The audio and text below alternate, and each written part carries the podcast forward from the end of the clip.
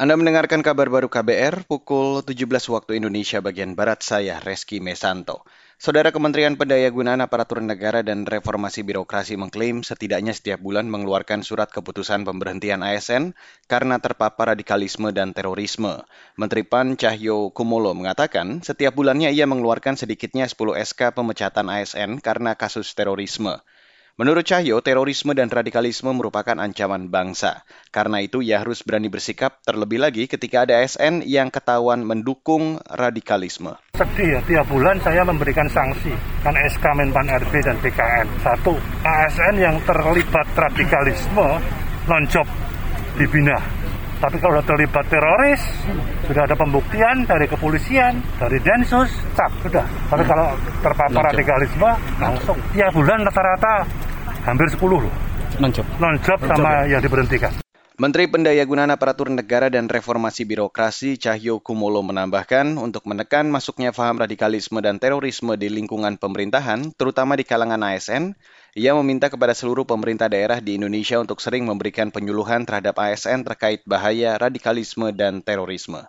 Beralih ke Jawa Barat, Saudara, sebanyak enam warga kota Bandung dinyatakan positif COVID-19 varian Omikron. Pemerintah kota Bandung menyebutkan dua orang telah dinyatakan sembuh, namun tetap harus menjalani karantina. Pelaksana tugas atau PLT Wali Kota Bandung, Yana Mulyana, mengatakan seluruh warganya yang terpapar Omikron itu berasal dari transmisi lokal bukan transmisi perjalanan gitu. Jadi membuktikan bahwa sebetulnya Omikron udah ada tapi sekali lagi saya hanya menghimbau tetap waspada aja lah. Nah, virus mah cenderung bermutasi dan karena proses penyebarannya konon Omikron itu kan lebih cepat. Jadi kuncinya memang kita protokol kesehatan lah, insya Allah lah.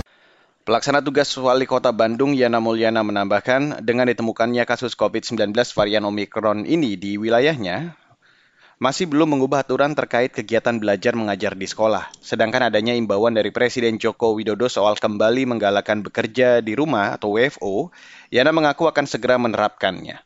Saudara, akibat lonjakan kasus COVID-19, Perdana Menteri Australia Scott Morrison mengungkap krisis sumber daya manusia di wilayahnya. Selama 12 pekan ke depan, Morrison membebaskan biaya aplikasi visa bagi semua backpacker, pelancong, dan pelajar yang mau datang untuk bekerja. Biasanya, aplikasi visa dikenakan biaya 630 dolar Australia atau sekitar 6,5 juta rupiah. Melansir World Matters, peluang pekerjaan di Australia ada di sektor agrikultur hingga perhotelan. Morrison pun menjamin keamanan di negaranya selama penyebaran Omikron, sebab meskipun laju penularan Omikron tinggi, angka kematian di negaranya rendah. Demikian kabar baru KBR saya Reski Mesanto.